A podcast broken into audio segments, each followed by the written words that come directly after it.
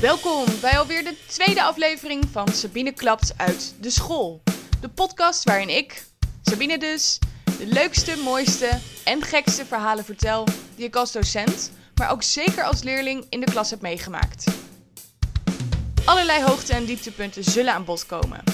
Van kleine grapjes tot klassikale opstanden en revoluties. Van huilende docenten tot ontroerende momenten. Van gehackte beamers tot het gevreesde Ardennenkamp. Het komt allemaal langs. Dus, ben jij docent? Of leerling? Of ooit een van de twee geweest? Stop dan met werken, leren of doen alsof en ga zitten voor aflevering 2. Nachtmerrie. Ja, en voordat we in het verhaal van deze week duiken, wil ik eerst nog kort even de tijd nemen om iedereen te bedanken die de eerste aflevering al heeft geluisterd. Echt super fijn. Ik heb er ontzettend leuke reacties op gehad. Uh, mensen die zich er juist in herkenden.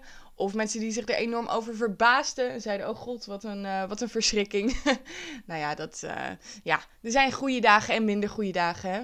En um, zo kreeg ik ook een berichtje van Rob Bosma.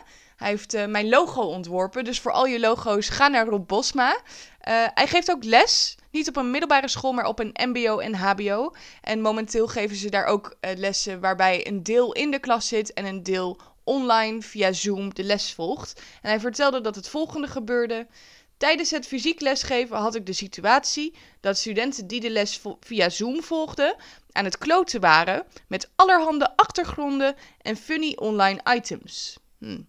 De studenten in de klas zagen dan medestudenten met een digitale snor, bril of hoofddeksel op. Met op de achtergrond een palmenstrand, dan weer een woestijn of uitzicht op een weiland. Ze vonden het nog leuker als ze mij digitaal te pakken konden nemen. Sta je daar op het scherm met een serieus gezicht en een digitale feestmuts op. Nou, Rob, ik denk dat veel docenten zich in jouw verhaal herkennen. We moeten natuurlijk nu heel veel lessen gewoon online geven via de Zoom. En voor sommigen is dat lastig om de aandacht bij te houden. En het is prima als een feesthoedje af en toe dan een keer de boel een beetje wakker schudt. Mocht het echt vervelend worden, dan is het uh, heel makkelijk om zonder drama met een klik van de rechtermuisknop iemand uit de les te verwijderen. Dus het heeft voor- en nadelen. Hartstikke leuk dat ik uh, Rob zijn verhaal mocht gebruiken voor in de podcast. En mocht jij nou een verhaal hebben, en dat kan zijn van jou als docent, maar ook zeker van jou als leerling, um, stuur hem dan vooral in. Een verhaal waarvan je denkt dat anderen er misschien wat aan hebben, of waar we met z'n allen om kunnen lachen of ons in herkennen. Stuur het dan vooral op. Ik kan het voorlezen, maar je kan het ook zelf komen vertellen. Um, up to you. Dan kan je een spraakberichtje insturen bijvoorbeeld.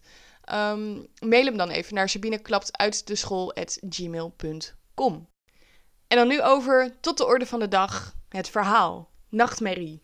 Komt-ie. Wat moet je doen als jouw woorden totaal geen effect hebben? Dat is sinds een paar jaar echt een van mijn grootste nachtmerries. Waar sommige mensen dromen dat ze willen wegrennen, maar dat hun benen vastzitten. Of dat ze van zich af willen slaan, maar dat hun armen van pudding zijn. Zo droom ik dat ik naar mijn klas schreeuw en om de aandacht roep en roep dat ze moeten luisteren. Maar dat niemand opkijkt en rustig doorgaat met kletsen en hun ding doen. In mijn grootste nachtmerrie van deze categorie moest ik de les samen met een collega geven. Maar in plaats van dat ze naast me stond en me hielp, ging ze bij een van de leerlingen op tafel zitten en begon gezellig mee te kletsen.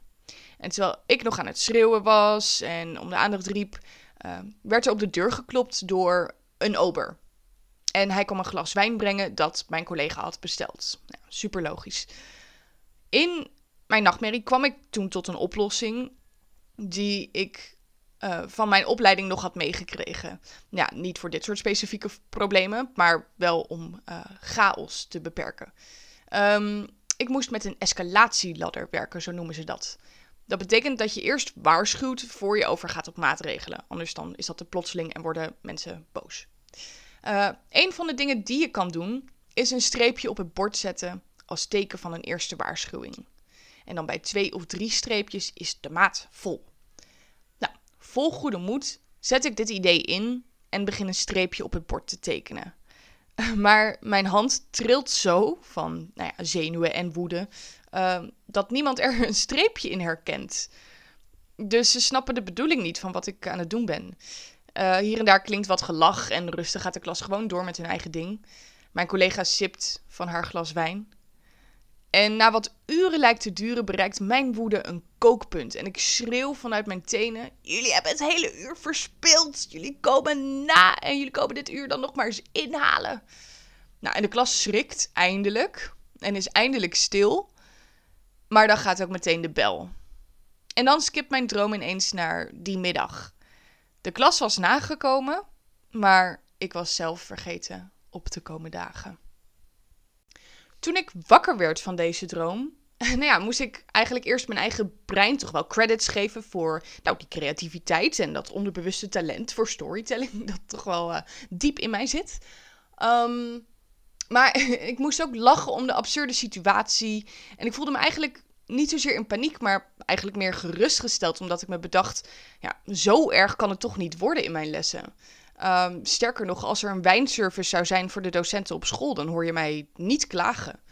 Um, maar het bracht me ook wel terug naar een reële angst. Die angst dat je woorden dus totaal geen grip hebben op de mensen naar wie je ze uit.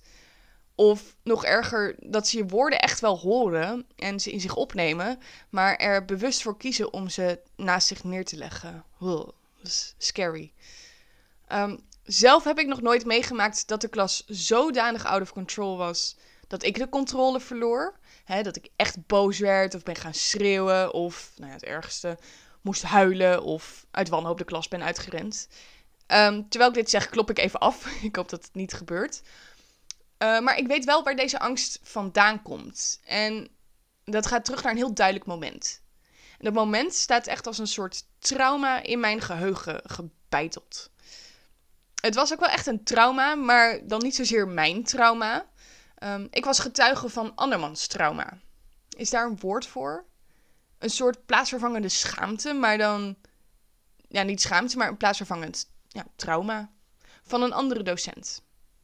Ik neem je weer mee terug naar mijn eigen schooltijd. De derde klas, weer. Ja, hetzelfde jaar, dezelfde groep als vorig verhaal. Het is nou eenmaal een rijk jaar aan inspiratie en legendarische verhalen. En hoe dat komt, dat zal ik je misschien nog een andere keer vertellen. In dat jaar hadden we heel veel nieuwe docenten. Die zowel nieuw op school als nieuw in het vak waren.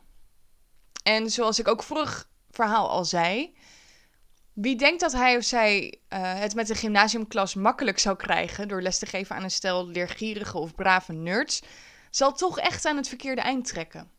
Meneer Muis kan hier onder andere over meepraten. Maar een andere docent die deze test heeft moeten beproeven is mevrouw Vogel. Mevrouw Vogel begon het jaar met goede moed. Enthousiast vertelde ze tijdens haar eerste les aan ons dat ze net een carrière switch had gemaakt naar het onderwijs en dat ze niet kon wachten om mooie lessen met ons te beleven. Hartstikke lief. Ik weet nog dat ze een filmpje opzette tijdens die les. Twee leerlingen praten er wat doorheen. Mevrouw Vogel zei er niets van en uiteindelijk stopte het geklets gewoon vanzelf. Fijn, dacht mevrouw Vogel vast, maar hier werd dus vast een zaadje geplant. En zo gaat dat vaak met eerste lessen voor nieuwe klassen met nieuwe docenten. Daar kan ik nu als docent uh, over meepraten.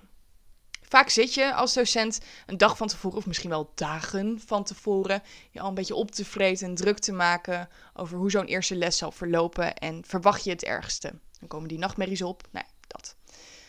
Maar je zult haast altijd zien dat zo'n eerste les top verloopt. Echt waar. De leerlingen luisteren, Jij doet je ding, jullie maken kennis. Helemaal top, denk je. Maar vergis je niet.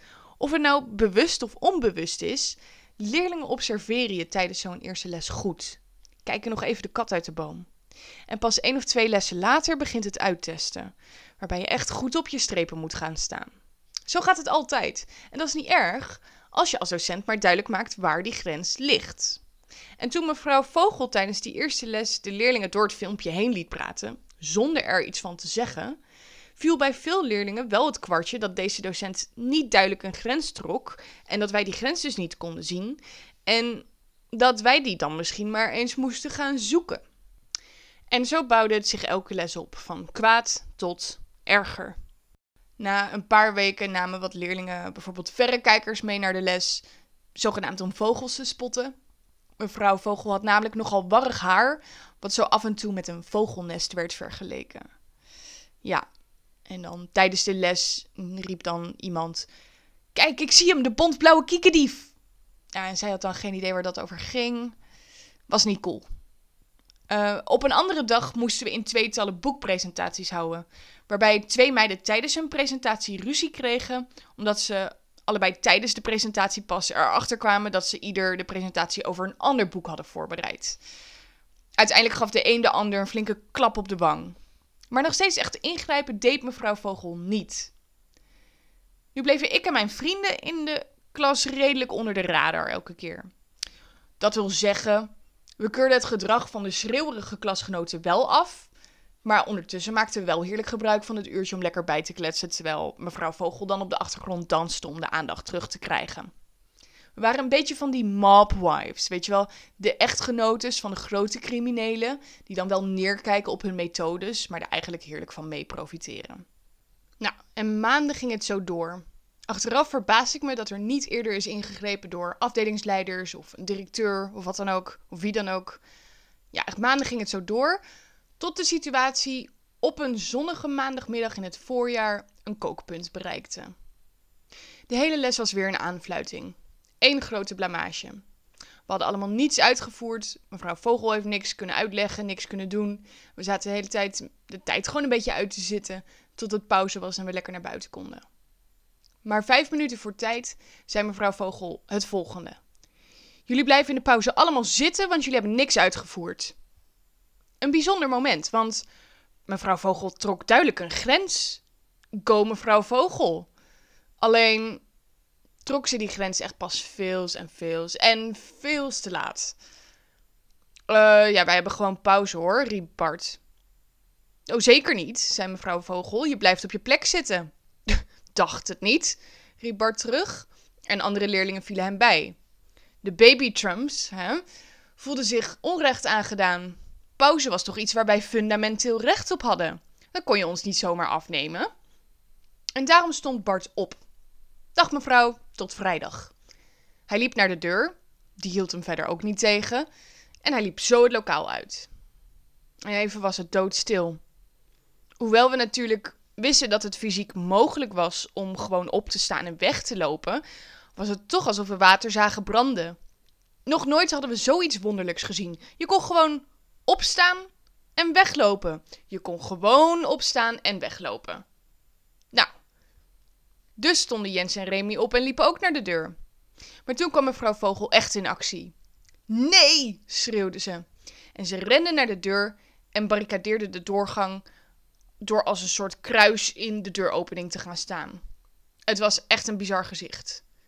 Wat nu? Nou, achter in het lokaal klonk ineens een gepiep en gewrik. Dus alle hoofden draaiden zich om om te kijken waar dit geluid nou vandaan kwam.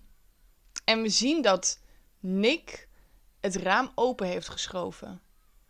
Hij zwaait een been over de rand en roept joe en springt dan naar buiten. Nu is het misschien even belangrijk om te zeggen dat we gewoon op de begane grond les hadden. Dat, dat scheelt een hoop. Maar goed, ja, als er dan één schaap over de dam is. En zo begonnen massaal leerlingen uit het raam te springen.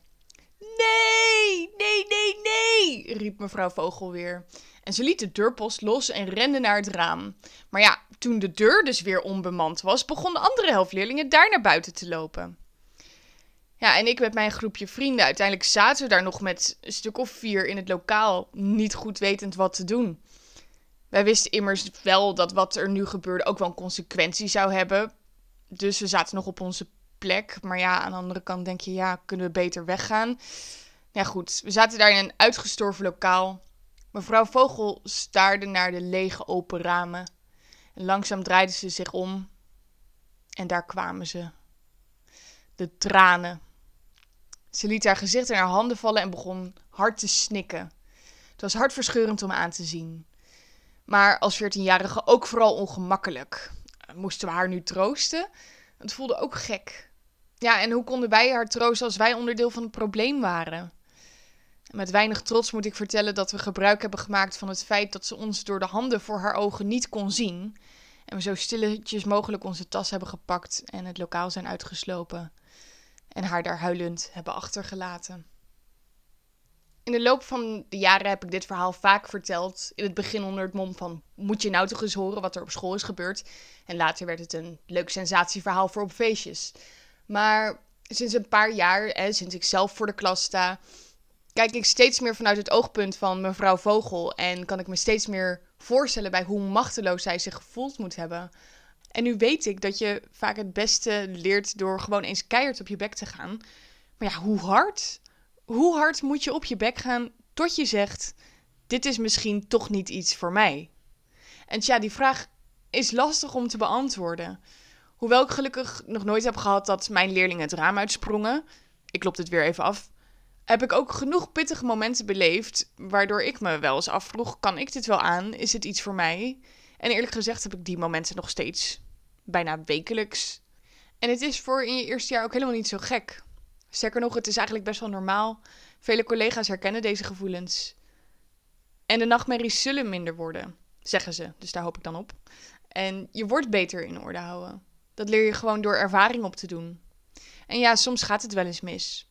Maar als je van je fiets afvalt, dan sta je ook weer op en ga je ook weer door. Je moet wel. Als je wil blijven fietsen tenminste. Het doet me dan ook goed om te zeggen dat mevrouw Vogel niet gestopt is met lesgeven. En dit nog steeds met plezier doet. Echt waar. Misschien zegt dat ook al iets over hoe mooi het vak toch ook weer kan zijn. Toch? En als zij haar trauma heeft kunnen verwerken en door heeft kunnen pakken. Misschien moet ik dan ook maar haar trauma verwerken en doorpakken. Zo, dat was alweer de tweede aflevering van Sabine Klapt uit de school. Vergeet me niet te volgen op de socials. En oh ja, ik heb nu ook een website met dank aan mijn lieve zus Chrisje. Thank you very much. Die website heet gewoon sabineklaptuitdeschool.nl. Ga maar eens kijken. Daar post ik ook nog wel eens korte verhaaltjes en andere updates. Hartstikke leuk dus. Als je nog een verhaal hebt uit de klas, vergeet die dan dus niet te sturen. Ook naar sabineklaptuitdeschool.gmail.com En blijf de podcast delen hè, met iedereen die je kent. Maakt me blij. Volgende week ben ik terug met een heuse tragicomedie over een vliegende boterham. Luisteren dus. Geniet van je week en tot dan. Doei!